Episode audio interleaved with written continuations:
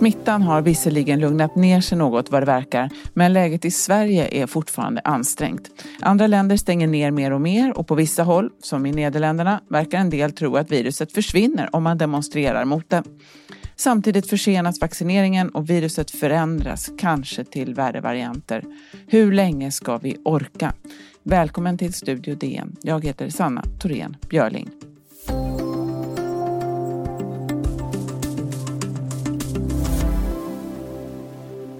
Vi ser en fortsatt ökning, inte så dramatisk som under en period men tyvärr ökar det fortsatt. Och det är ju stor utsträckning fortfarande samma länder som är drabbade med Amerika som är en stor del av alla fall och sen Europa på en andra plats. Ja, Anders Tegnell där om läget i världen.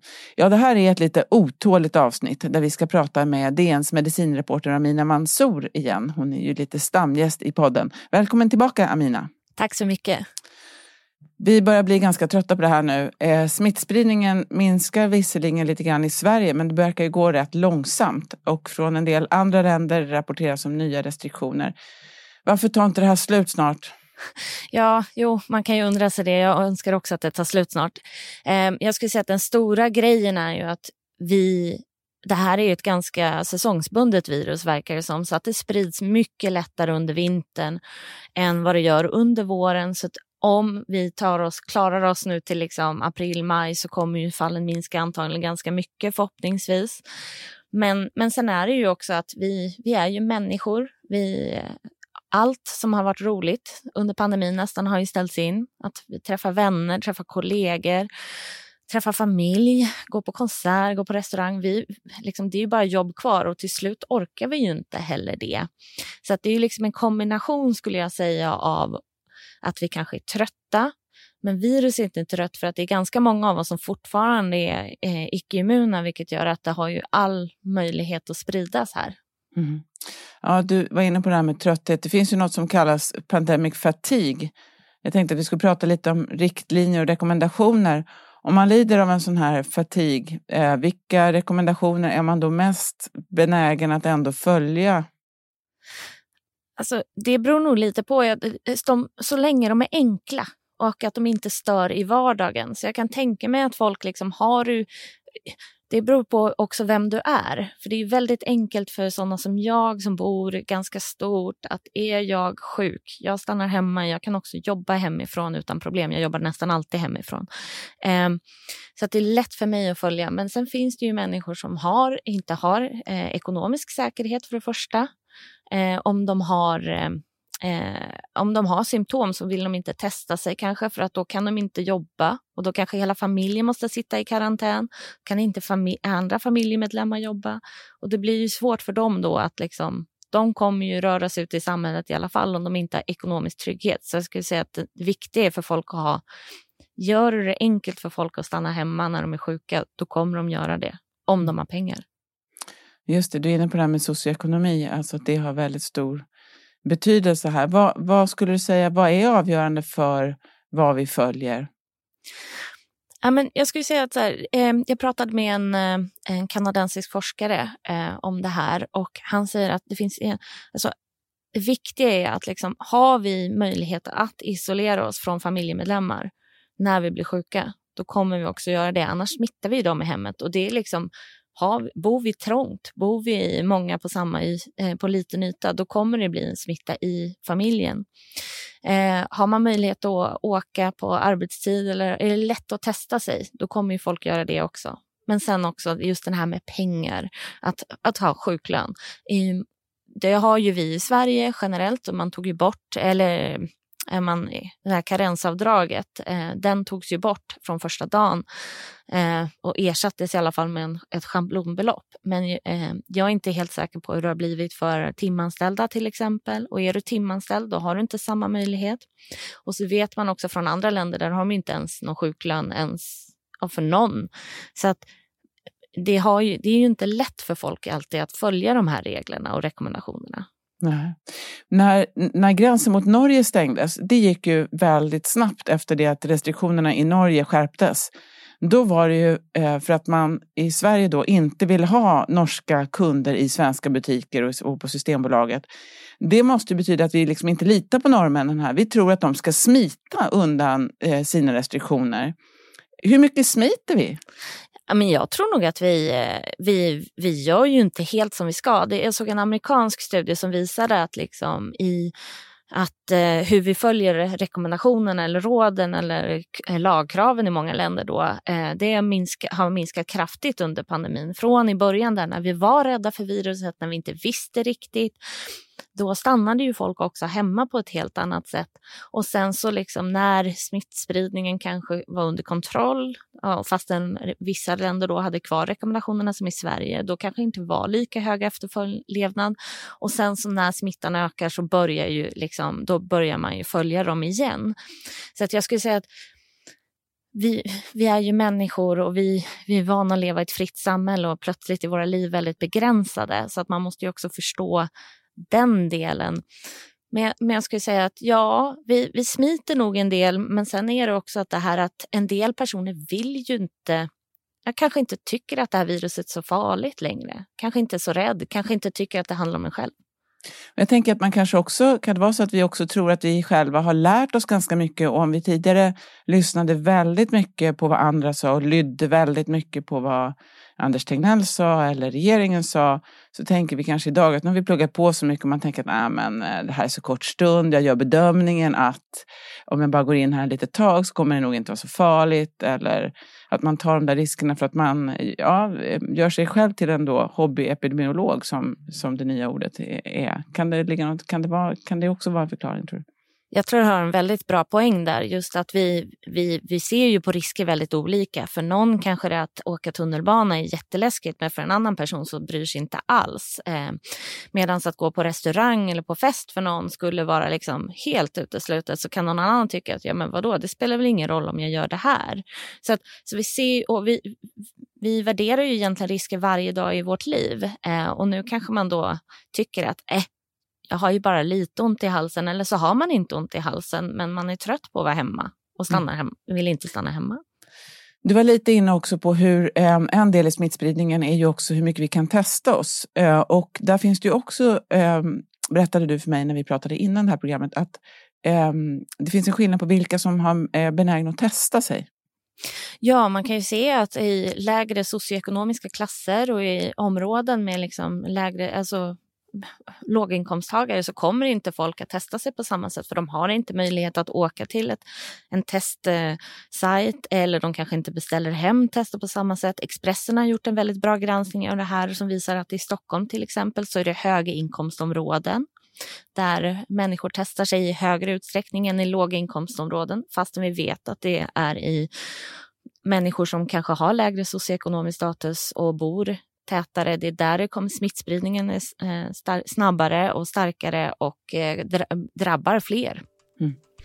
Vi ska alldeles strax prata lite mer om vaccineringen och om den verkligen biter på allt.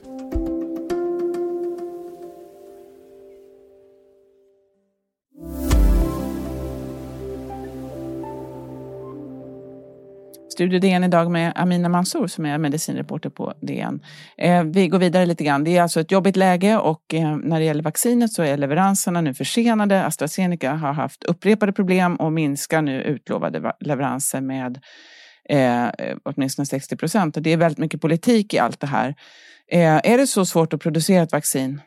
Ja, det är det. det är, eh, nu är de här vaccinerna görs ju på ett annat sätt som inte kräver, vanliga vaccin till exempel, eh, influensavaccinet odlas i hönsägg. Då behöver du ha mycket hönsägg, det kräver några månader, men det är en väldigt känslig process generellt att odla vaccin eh, eller att tillverka vaccin. Jag har varit i vaccinfabrik en gång och det var ju mycket säkerhet för att ens få komma in. Vi fick, kunde inte ha varken smycken eller smink och vi hade skyddsutrustning som var liksom extrem. Um, och, och ändå så var det att man fick inte störa arbetarna där för det var ju väldigt känsliga processer så de hade inte ens igång mycket av verksamheten för att ens kunna släppa in oss journalister. Så att det, det här är ju också ett stort problem för att vi vill ju alla ha vaccin. Jag väntar på det men jag vill helst att mina föräldrar ska få, få först här. Eh, men men det, det går inte att producera så snabbt och företagen har också lovat väldigt mycket. Eh, och får man en, en störning i processen i kedjan någonstans så kan det ta ganska lång tid innan man kommer ikapp. Mm. Ett par över 200 000 har i alla fall vaccinerats i Sverige hittills. Eh, är det enligt plan eller hur ser det ut med det, med det som har kommit hittills? Jag skulle nog säga att det går lite för långsamt. Det beror väl lite på hur man ser det. Eh, men i början så sparade ju regionerna ganska mycket vaccin, ungefär hälften då, för att kunna ge personer en andra dos. Eh, det har man ju avråtts från att göra, men det har ju varit osäkert med, man fick ju neddragna eh, leveranser från Pfizer till exempel, för de håller ju på att ställa om så att de ska kunna producera mer vaccin. Men så, att, så det har ju liksom varit, och sen var det lite någon osäkerhet kring en vaccinleverans om, den, om vaccinet var förstört eller inte, men den ska inte ha varit det. Men, men det har ju varit en del osäkerhet, så jag tror att det är mycket logistik också kring det här. Så att eh, det går lite för långsamt skulle jag nog säga. Men vi börjar närma oss slutet på den första gruppen. Men eh, de tidigare löftena har ju varit då att de alla i princip ska ha fått vaccin eh, till midsommar. Det, det får vi väl se hur det blir med den saken då helt enkelt. Ja, ehm, eh, AstraZenecas vaccin som egentligen det beror på, det där löftet, har ju eh, förhoppningsvis på fredagen kommer att få ett godkännande från EU. EU. Det har ju ännu inte godkänts så då vet man ju också lite mer där vilka som det passar till det här vaccinet. Men, men de kommer ju inte kunna leverera som sagt så att jag skulle säga att efter sommaren kanske är mer realistiskt. Eh, men i bästa fall ja, före sommaren eh, vore ju bra. Men det kommer nog ta lite längre tid än man har hoppats. Mm. Och sen har vi då det här med olika mutationer och variationer av vaccinet. Eh, det finns ju egentligen massor, hur många varianter som helst ska man väl säga av ett virus, men några växer sig lite extra starka. Eh, det verkar som om Folkhälsomyndigheten har varit lite bekymrade över Eh, det här som har börjat eh, spridas i Storbritannien och som eh, även finns i Sverige nu. Hur bekymrad ska man vara över det där? Ja, alltså det var ju så att när det här viruset kom, det, som du säger, det muterar ju hela tiden egentligen. Varje gång det förändrar, alltså infekterar någon så förändrar, kan det förändras lite, men oftast är de här mutationerna väldigt små. Men i slutet av förra året, förra året eh, 2020 då, så dök det upp ungefär samtidigt, inte riktigt, men tre mutationer som var oroväckande. En i Storbritannien, en i Sydafrika och en i Brasilien. Eh, och den åtminstone den i eh, Storbritannien har ju visat, eh, det finns ganska tydliga bevis, eller inte tydliga, men det finns ganska starka bevis ändå för att den skulle vara mer smittsam. Eh, det finns lite diskussioner om den huruvida den är mer dödlig, men är den mer smittsam så kommer ju fler människor att smittas om den får tillfälle för att göra det. Och då kommer ju fler människor att dö på sikt. För har vi fler smittade så kommer ju fler människor att dö, eh, kan man ju se det som också. Men att man skulle bli mer sjuk, det är ingenting som är riktigt belagt, eller? Det? det? finns en del diskussioner, det är inte riktigt belagt. Det senaste jag såg var att symptomen var lite annorlunda, att fler hade hosta eh, med den nya mutationen verkar det som. Och har man mer hosta då sprider man ju viruset mer så det skulle ju kunna förklara då en kanske en av förklaringarna till att man är mer smittsam. Men, men det är fortfarande lite osäkert. Eh, den brittiska mutationen i alla fall, det är därför man stängde gränsen till Norge, för att de har ett utbrott av den brittiska mutationen i, där. Och då, de siffror som vi har i Sverige, de är väl i allra, alltså med största sannolikhet i väldigt låga. Alltså jag tänker att vi måste ha massor med fall som inte är, som vi inte känner till. Eller för att man har inte sekvenserat och analyserat varenda prov. Nej, det har man ju inte. Man har inte kommit upp i de nivåer som Europeiska smittskyddsmyndigheten rekommenderar än. Ehm, men, och det ligger ju på regionerna tydligen att de inte, vad jag förstått, inte hade ställt om eller börjat göra det här. Men det skulle dröja några veckor, men man sekvenserar allt mer så att man försöker ju få koll. Dels så gör man ju eh, den typen av eh, folk som kommer från Storbritannien då eller områden där man vet att det sprids, men sen också så gör man en del stickprov. Mm. Men det är ju då en kapplöpning här lite grann mellan vaccinet och eh, var, de här olika varianterna. Den här som eh, man upptäckte först i Storbritannien, i praktiken, har det någon Spelar det någon roll om den brittiska varianten tar över i Sverige? Är det någonting som är viktigt för oss att veta eller gäller det bara nu att vaccinera så många så fort som möjligt? Det beror ju på, är den mer smittsam, vilket den ändå verkar vara, men då kommer det ju krävas fler vaccinerade. Det kommer krävas fler åtgärder för att hindra smitta.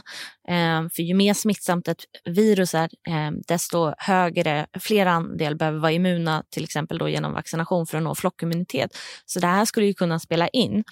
Så att det är klart att det spelar roll. Och, eh, men det kan ju vara så att det är helt omöjligt att stoppa den här, det vet vi ju inte, för det finns ju vissa eh, mutationer då som bara de tar över, inte för att de är mer smittsamma utan bara för att de har av en slump, de har en tur, de har en fördel så att de blir dominerande.